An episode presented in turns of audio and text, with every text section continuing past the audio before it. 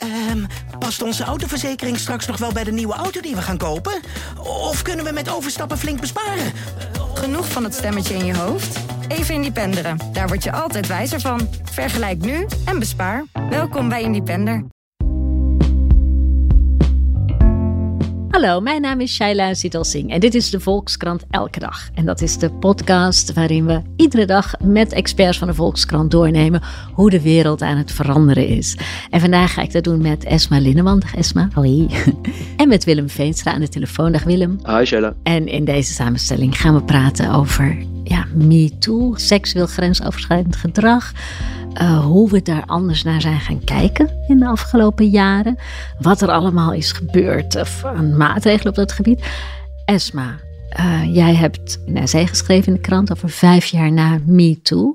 En vijf jaar, uh, daarmee markeer je eigenlijk de eerste publicatie die er is geweest over de misdragingen van Harvey Weinstein. Ja. Jij weet nog waar je zelfs was hè, toen je dat las. Ja, dat was, uh, daar verbaasde ik mezelf ook over. Ik heb het ook nog uitgeplozen van, uh, klopt dat echt? Want ik had, ik had echt helemaal in mijn hoofd, het was die avond. En uh, nou ja, dat was dus ook zo. Ik zat in de bibliotheek hier in Amsterdam. De OBA zat ik over te werken, zoals we wel vaker doen hier bij de kant. En ik zat gewoon allemaal kranten te lezen en tijdschriften. En toen viel mijn oog dus op dit stuk, ehm, deze eerste publicatie. En ik had dus ja, eigenlijk meteen het idee, dit wordt heel groot. Ja? Ja. Ja, maar dat was het artikel um, ja. in de New York Times. En die twee um, journalisten, twee vrouwelijke journalisten. Megan Twomey en Jodie Kenter. Precies. Ja. En die echt nou ja, gingen blootleggen uh, dat er een heel systeem eigenlijk achter zat. En waarom dacht je, dit wordt heel groot? Want we hebben daarvoor natuurlijk ook al publicaties gehad over uh, mannen die over de schreef gingen in, op allerlei werkvloeren. Ja, zeker. En in Amerika was het absoluut niet de eerste publicatie, ook niet van de New York Times. Twee topmannen van Fox News uh, waren bijvoorbeeld met vergelijkbare uh, beschuldigingen nou ja, uitgelicht in, in onderzoeksstukken. We hadden ook Bill Cosby gehad. Dat was eigenlijk twee jaar daarvoor. Dus in 2015 was ja. het echt de, nou ja, het jaar waarin uh, de klachten, de aanklachten tegen Bill Cosby echt serieus werden genomen. Dan was er Donald Trump natuurlijk. Ja, grab him by the pussy. En ook allerlei verschillende beschuldigingen van seksueel grensoverschrijdend gedrag. En toch bleef dat allemaal ergens een beetje hangen, ook in de publieke opinie.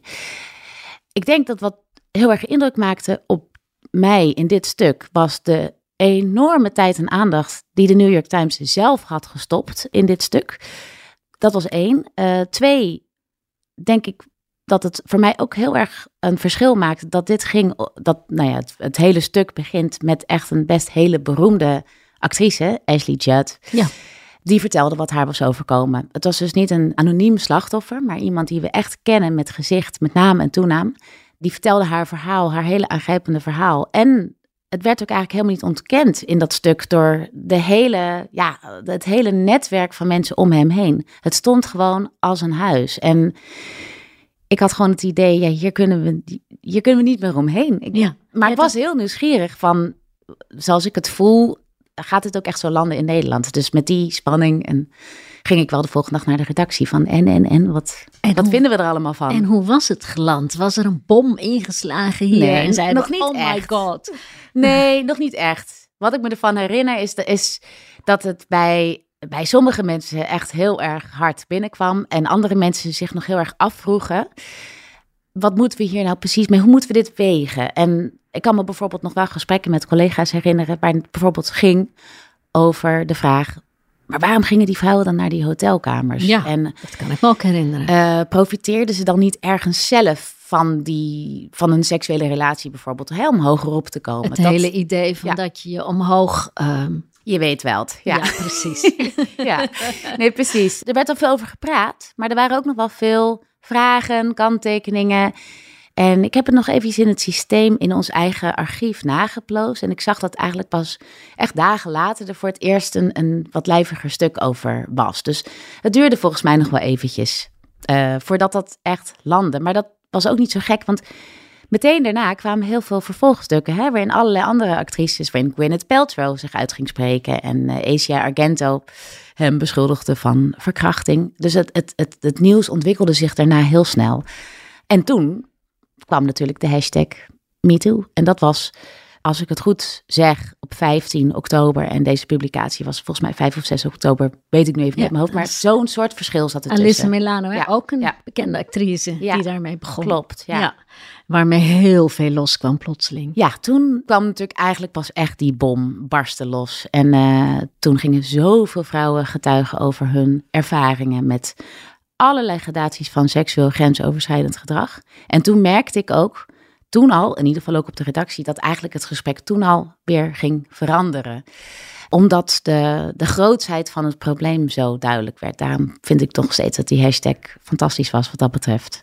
Ik denk als dat niet was gebeurd, dan hadden we, nou ja, dan hadden we een ander gesprek nu gehad. Ja, dat eh, weet ik echt 100% zijn nu, zeker. We zijn nu ja. vijf jaar later, vijf Ja. jaar eh, verder na die hashtag. Ruim vijf jaar. Ehm, is het gesprek ook echt anders geworden? Is het, kan je nu niet meer met goed fatsoen aankomen met het argument... ja, maar waarom had ze zo'n kort rokje aan en wat deed ze er eigenlijk op dat tijdstip? Ja, precies. Want ik wilde er ook nog even bij zeggen dat in precies die periode dat deze publicatie van de New York Times eh, nou ja, insloeg en ook de hashtag MeToo. In Nederland hadden we toen te maken met de verdwijning van Anne Faber. Dat gesprek vond ik soms best onbevredigend, omdat het nog heel erg ging over van waar moeten vrouwen en meisjes niet meer komen of wel komen, hoe kunnen ze zich beschermen. En er waren De zelfs verantwoordelijkheid vragen. werd Ja. bij de vrouw gelegd. En er is zelfs eh, Ja. eh, ook hier op de redactie de vraag gesteld van, maar wat deed Anne Faber nou eigenlijk precies op dat tijdstip in dat bos? En toen dacht ik nog van, ja, maar daar gaat het helemaal niet over. Dat is toch een beetje ook het korte rokjesargument, Ja, toch? dat vond ik wel. Ja. Ja. nou, toen kwam natuurlijk ehm, deze publicatie, toen kwam MeToo. En toen kwam er een tegenbeweging, ook alweer een week later. Dat voltrok zich eigenlijk in een, in een, in een paar dagen tijd. Eh, dat begon met eh, kritische eh, ja, columns in deze krant ook. Een uitzending bij de Wereldrijd Door, waarin een paar prominente vrouwen aan tafel gingen zitten en vertelden dat zij vonden dat MeToo echt was doorgeslagen, dat het puriteins was, humorloos, dat alles op één hoop werd gegooid. En ik denk dat wat in Nederland ook erg van belang is geweest, of de richting van het debat ook heeft bepaald, is het stuk van Jelle Brand Korstius. eh, wat die avond na eh, de, Wereldtijd Door uitzending, die avond kwam dat uit. Dat was het Ja. stuk waarin Jelle Brand Kortjes in Trouw, eh, Ja. in trouw had, had laten publiceren. Ja. Waarin hij ehm, verhaalde over zijn eigen ervaringen met seksueel grensoverschrijdend gedrag. Hè? Dat klopt. En, en eigenlijk toen, nou ja, heel snel daarna lag de naam van de beklaagde op straat. En is die ging zich ook. van. En daar is nu een, een rechtszaak ook over.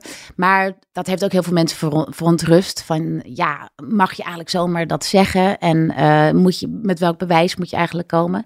En dan was er gewoon ook een, ja, een fikse tegenbeweging van vooral wat oudere mensen, oudere vrouwen ook. Die vonden dat vrouwen te veel als slachtoffers werden neergezet. En als soort kwetsbare wezens die niet van zich af konden slaan. Terwijl zij dan zeiden van ja, maar je kunt toch ook assertief zijn en dan geef je hem toch een knietje. Of Ja, je hoeft idee, toch je niet- er zelf bij. je bent er zelf bij, je bent zelf ook verantwoordelijk. eh, of je profiteert er zelf soms ook van. Eh, daar is ook een column over geweest. Dus die beweging, tegenbeweging was wel heel sterk. En heeft die tegenbeweging een punt? Nee, Want? Ik denk dat die tegenbeweging eh, eh, zich te weinig beseft, of misschien wel beseft, maar niet wil beseffen, wat eh, de psychologische dynamiek is, wat, hoe macht werkt en wat er met je gebeurt op het moment dat iemand over je grenzen heen gaat. Wat daarna veel duidelijker werd, wat nu in veel gesprekken wel wordt genoemd, is bijvoorbeeld het feit dat ruim meer dan de helft van alle slachtoffers bevriest op het moment dat ze worden aangeraakt of worden behandeld op een manier eh, die ze niet willen, of dat nou mannen of vrouwen zijn.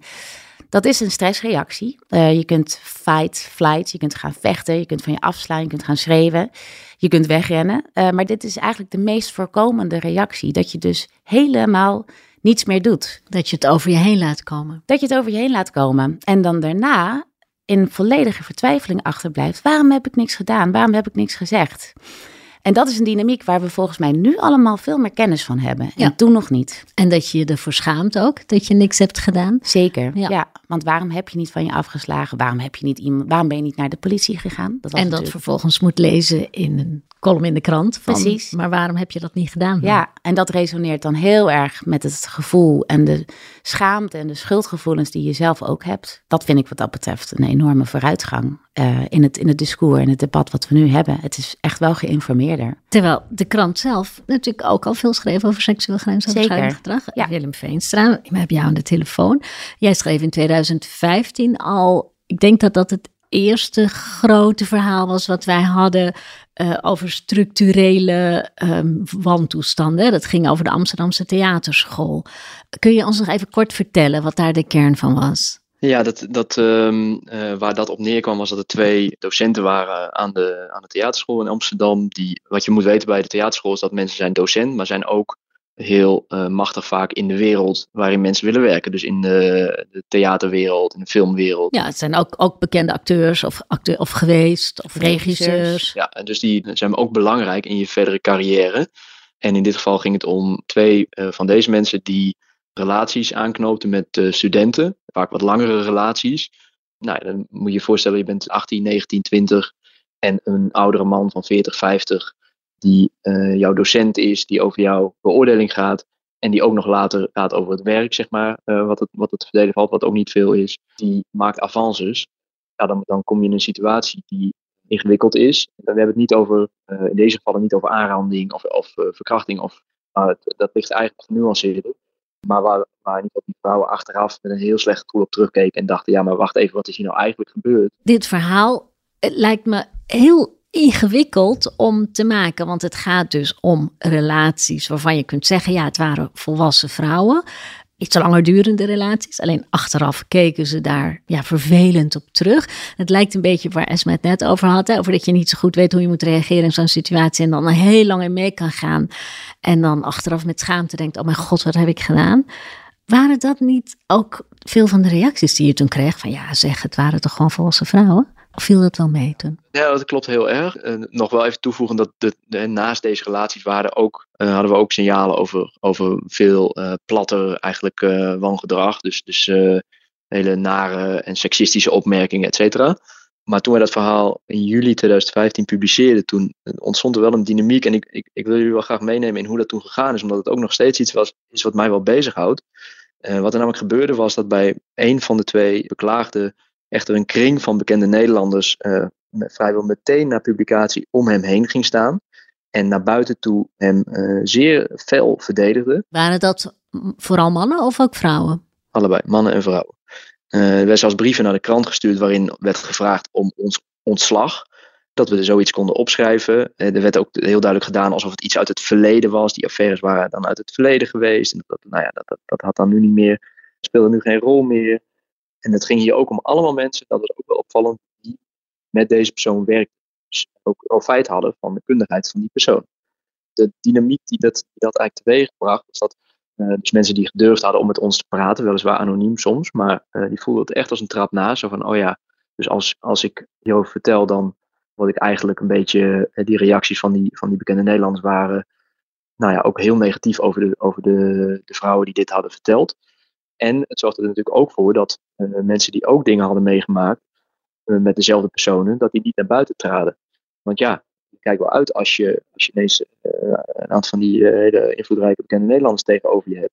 Zelfs in deze casus kun je zien dat MeToo heel veel veranderd heeft. Want in 2017 was het volgens mij, hè, kwam na MeToo, eigenlijk in de slipstream van MeToo, kwam een, een zangeres en celliste, plaatste op haar Facebookpagina een vrij uitgebreide en gedetailleerde getuigenis eigenlijk van wangedrag wat zij met een van deze twee personen eh, had meegemaakt. Dat ging echt over zeer grensoverschrijdende opmerkingen en ik denk wat je zelfs als aanranding kan kwalificeren.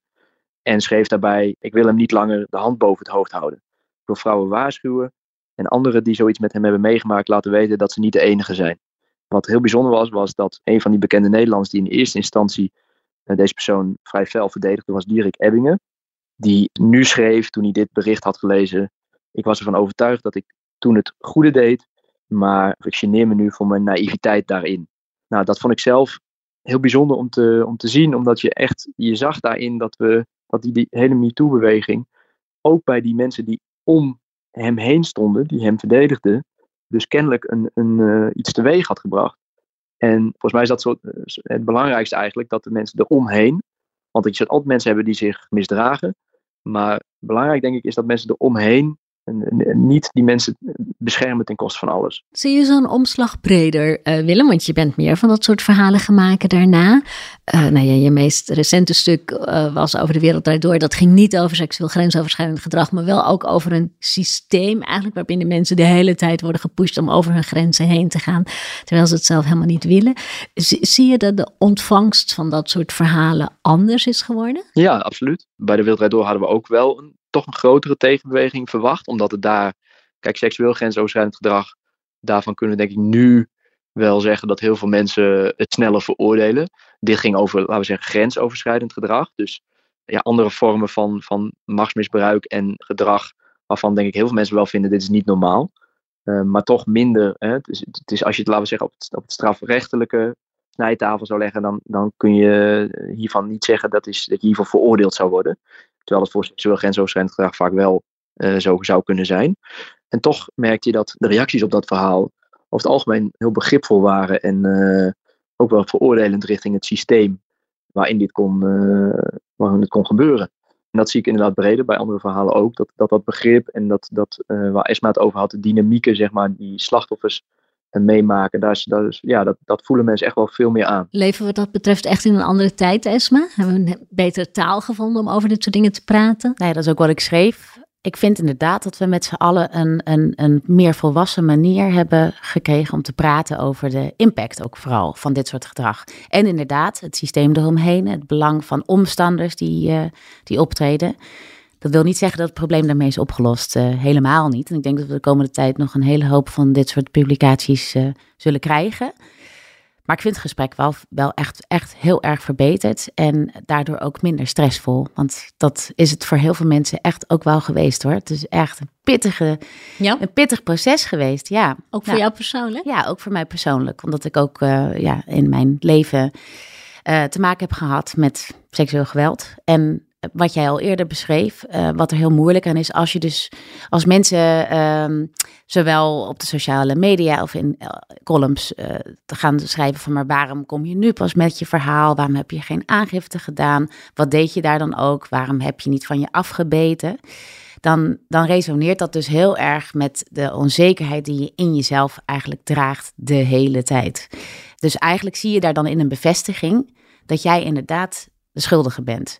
Ook al weet je rationeel dat het misschien niet zo is, dat, dat gevoel zit heel diep. Dus dat is dan gewoon heel stressvol. En ook voor de mensen die ik ken om me heen, die dit soort dingen hebben meegemaakt, van wie ik weet hoe ze worstelen met hun gevoelens daarover, was dat gewoon pijnlijk. Maar ik wil ook wel zeggen uh, van de mensen die dus met die tegenreacties kwamen, ik begrijp het ook um, wel. Ik denk dat het, het heeft iets heel menselijks. Ik merk dat bij mezelf ook dat als je zelf je bijvoorbeeld ergens doorheen hebt geworsteld, bijvoorbeeld je bent een vrouw in een mannenwereld en je bent naar de top gekomen en je hebt allerlei van dit soort situaties, ja, weten te doorstaan. Dat je dan ook het gevoel hebt van een jongere generatie die aanklopt en zegt: Ja, maar dit is helemaal niet oké, we willen het anders. Dat dat dan verwarrend is. Of dat je denkt: van ja, maar hallo, ik heb het ook gered.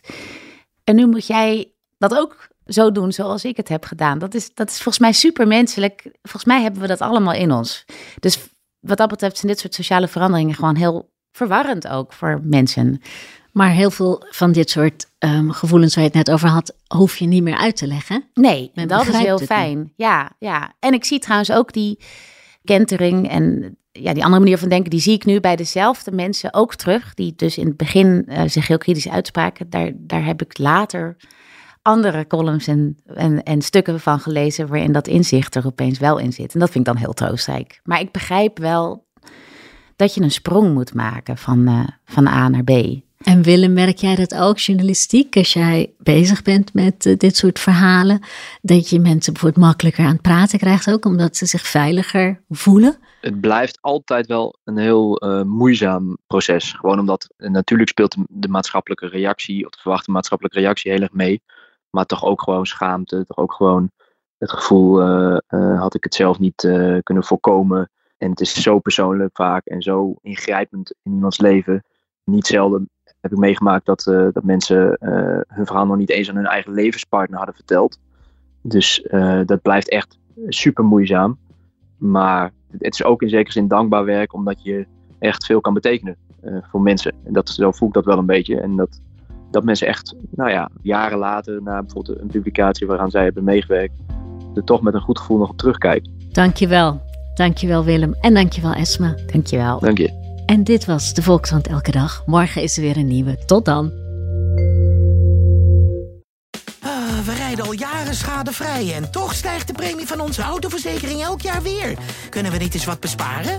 Genoeg van dat stemmetje in je hoofd? Even Independeren. Daar word je altijd wijzer van. Vergelijk nu en bespaar. Welkom bij Independer.